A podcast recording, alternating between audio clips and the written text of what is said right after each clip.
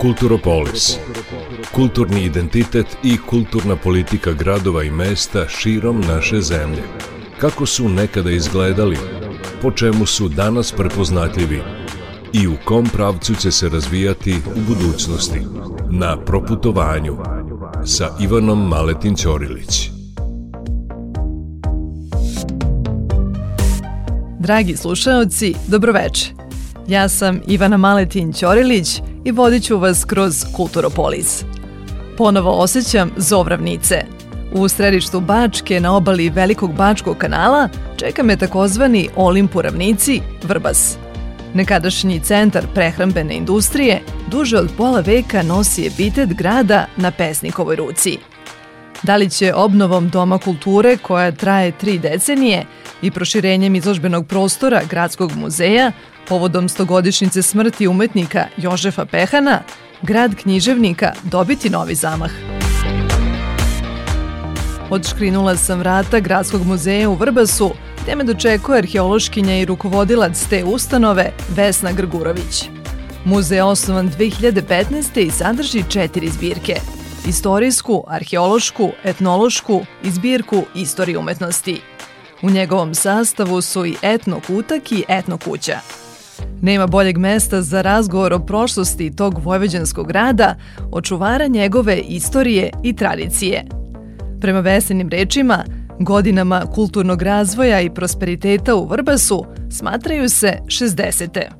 60. godina sa osnivanjem Doma kulture tadašnjeg, današnjeg kulturnog centra, e, sa osnivanjem Festivala poezije mladih, Jugoslovenskog festivala poezije mladih, e, dolazi do pojave velikog broja slikara, umetnika, pesnika koji se okupljaju u ovom gradu i Vrbas je poznat kao e, grad pesnika, ili Olimpu ravnici, kao što postoji jedna knjiga koja se odnosi na Vrbas i e, postojala je i veoma plodna scena kada je reč o recitatorima, o glumcima. Tadašnji Dom kulture imao je scenu koja je imala učestale pozorišne predstave koje su se ovde prikazivale. Publika je tada bila mnogo, mnogo veća.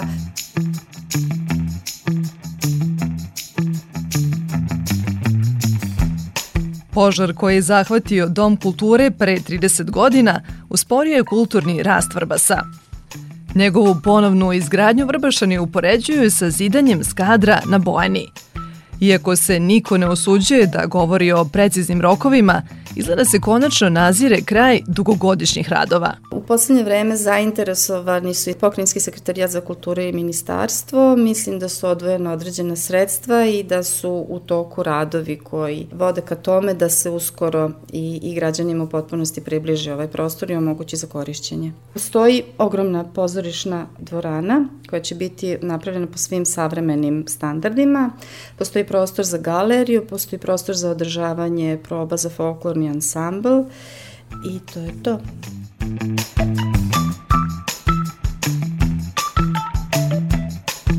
U odsustvu Doma kulture, vrbanski, bioskopski pa i pozorišni život odvije se u bioskopu Jugoslavija, koji je simbolično na adresi Maršala Tita.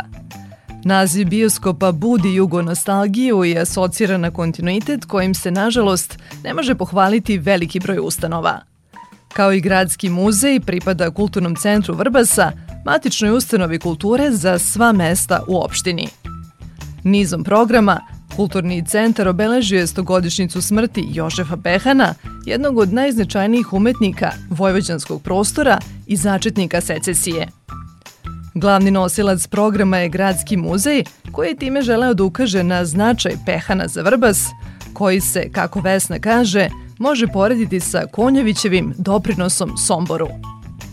Najveći trag Pehan je ostavio u slikarstvu, ali se uspešno oprobao i u ostalim vidovima umetnosti. Bavio se pozorištem, svirao je muzički instrument, imao je svoj kvartet, učestvovao je u raznim raspravama u, umetnosti, družio se sa velikim brojem ljudi, obilazio je gradove Evrope i ono što je za njega bitno je da je on uvek bio korak ispred svoje generacije ili ljudi koji su ga okruživali i on je u ove krajeve donosio upravo prve pojave u umetnosti koje su se dešavale u Evropi. Zato je često ovde bio manje shvaćen nego što je trebao da bude. Čak ga imamo u stalnoj postavci našeg muzeja, možete videti na fotografijama prvih arheoloških iskopavanja u Vrbasu iz 1902. godine, pa je logično i da je on bio ovaj taj koji je organizovao fotografisanje. Kako bi proširio svoje kapacitete i obezbedio Pehanovim delima adekvatno mesto, Gradski muzej Vrbasa proširio izlagački prostor za čak 250 kvadrata. Sada posetioci mogu nesmetano da uživaju u njegovom bogatom umetničkom opusu. Međutim, Peha nije jedini slikar kojim se Vrbas ponosi. Živa legenda grada je Ratko Šoć, akademski slikar i aforističar, koji je rodno Cetinje zamenio plodnom vojvođanskom ravnicom. Moja je biografija vrlo kratka, kao što mi je i prezime kratko, a ime mi Ratko. More mi je dalo dubinu, Vojvodina širinu, a Crna Gora visinu. Ovdje kad sam došao, bila je samo jedna ulica pod Kaldrmom. Ovo je sve bilo kovo, oranica neka Poslije se ovaj grad e, razvijao i dosta je uradio 60. godina i 70. Ali jedna od e, krupnih događaja u ovom gradu bila je ta Jugoslovenski festival poezije. E tu sam ja napravio taj prvi plakat krajem 60. godina i dan danas stoji taj plakat sa nekom mojom čirilicom.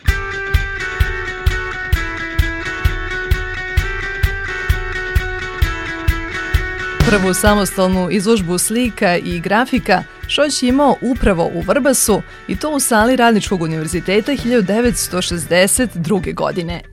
Njegove radove došlo je da vidi više od 2500 ljudi. Ulazak u Šoćova telje nalik je sletanju u umetničko gnezdo. Na spratu porodične kuće okružene zelenilom, do koje vode uske stepenice, zatičem ga u društvu živopisnih i koloritnih likova sa njegovih slika. Rado provodi sate beležići na belom platnu uspomene koje mu naviru, a jedna od njih je petao jarkih boja koji nas sve vreme budno posmatra sa štafelaja. Zidove ateljeja krase i Ratkovi crteži koji su, kaže, lična karta svakog slikara. To se od malena uči, znate, kao sve.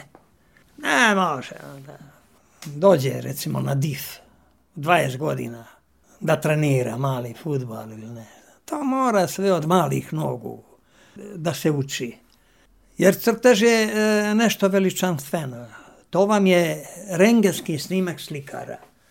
Ako slikara razrežete i iz njega ne iscuri tuš, onda nije slikar. Jer svi veliki slikari bili su veliki crtači.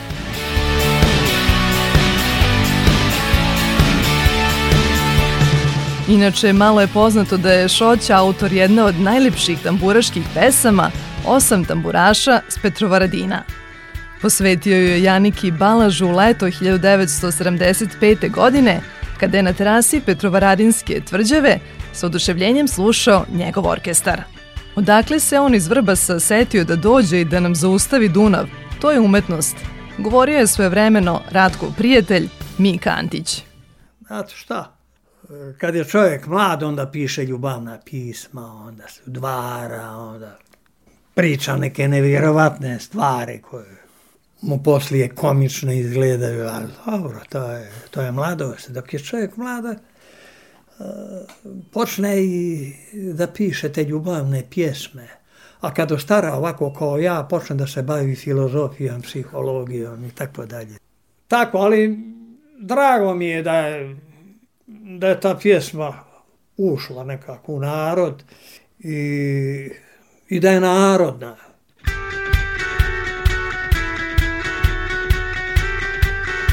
Kulturopolis. Šoć je između ostalog napisao i pesmu Laku noć jutra moja, kojem je Dušan Jakšić osvojio zlatnu tamburicu, kao i iz kazaljke stare, koju je otpevao tenor Saša Petrović. O neraskidivoj vezi tog duhovitog i svestranog cetinjanina sa poezijom i vrbasom svedoči i plakat Festivala poezije mladih koji Ratko nacrtao pre više od pola veka. Za početak festivala uzima se 1968. godina i pesnička manifestacija Maj ravnice i mladosti, na kojoj je učestvovalo 50 mladih vojvođanskih pesnika. Već naredne godine ta pesnička smotra prerasla je u jugoslovensku i poprimila takmičarski karakter. Započinje priču sekretar festivala i pesnik Branislav Zubović. Tu će se pojaviti Gustav Krklec, što je vrlo važna stvar jer je onda podrazumeva se bilo para za sve. Narednih godina nije manjkalo ničega, em zbog privrede, em zbog upravo velikog utica koji su imali pre svega Krklec u tom društveno-političkom smislu, ali naravno Duško Trifunović i Pero Zubac koji su stvari bili osnivači i duša festivala, za Duška kažemo da je u stvari pesnički guru festivala ta, taj kraj 60. godina, koliko sam video, a vezano je jedno za drugo, Vrbas je bio među e, prva četiri grada u bivšoj Jugoslaviji po zaradi. Dakle, sve se to naravno održavalo na kulturu.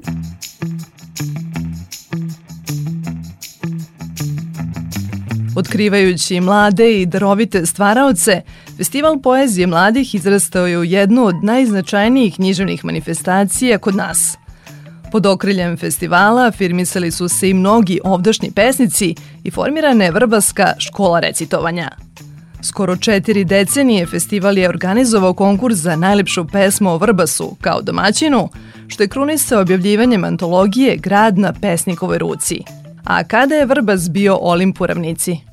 Najjači procvat poetski dolazi u nedoba 92. godine jer će se u, u Vrbasu naći i Đorđo Sladoje i Nebojša Devetak, mm. koji su zajedno sa Blagojem Bakovićem, Miroslavom Aleksićem, ja sam se u to vreme šlepao uz njih kao mladi pesnik, stvorili jedan jak vrbaski krug koji je dominirao tadašnjom srpskom književnom i kulturnom scenom. I bez obzira na te godine, e, festival je trajao, pesnici su dolazili i nekako posle svih tih godina festival se nikad nije ograničavao konkursom na teritorije.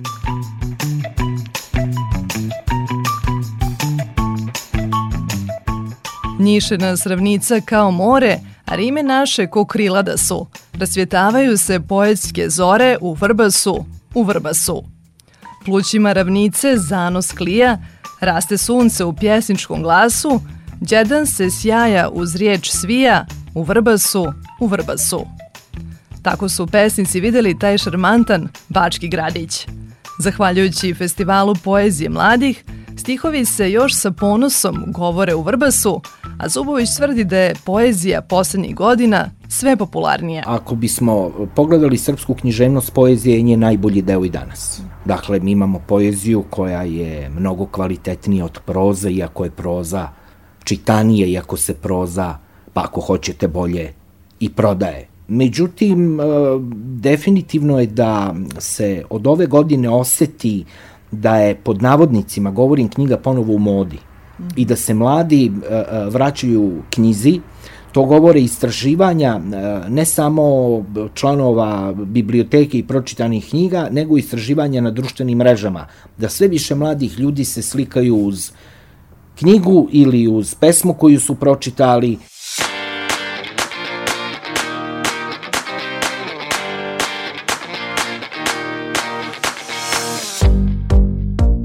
Kulturopolis.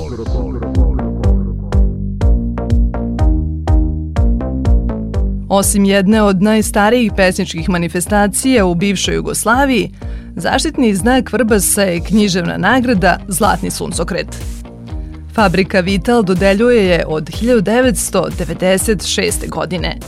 Za dve i po decenije visoko je pozicionirala grad na književnoj mapi – kaže predsednik žirija Vitalove nagrade Vladimir Gvozden. Svi znaju da je Vital iz Vrbasa ima taj ogroman simbolički značaj. Vitalova nagrada je jedna sigurno dve ili tri nagrade po značaju u našoj kulturi.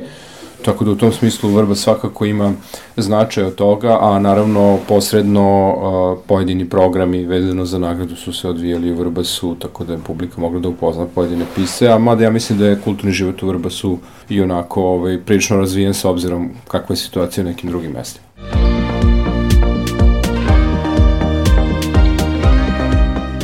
Među dobitnicima Vitalove nagrade našla su se mnoga istaknuta imena naše književnosti. Pažnju čitalaca skrenuli su ne samo laureati, već i autori čije su knjige ušle u najuži izbor. 1996. godine, kada je nagrada osnovana, nagradu dobio Ivan Valalić, ko, kojeg mnogi danas prepoznaju kao značajnog pesnika tog perioda neosimbolizma, ali mogu da kažem da su neka imena, barem od kad sam ja užirivao kasnije i predsednik već nekoliko poslednjih godina, ne utiče samo ko je dobitnik nagrade, nego i da li ušao u najuži izbor. Recimo, dobar je primer Darka Tuševljakovića koji je s prvim romanom ušao u najuži izbor i kasnije dobio je Evropsku nagradu za književnost i postao onako prepoznat pisac kod nas. Isto tako mislim da nekim piscima nagrade pomažu, a nekim piscima pak koji su već bili nagrađivani kao Velikić kada je dobio Vitalovu nagradu, videlo se da i njemu ta nagrada značila.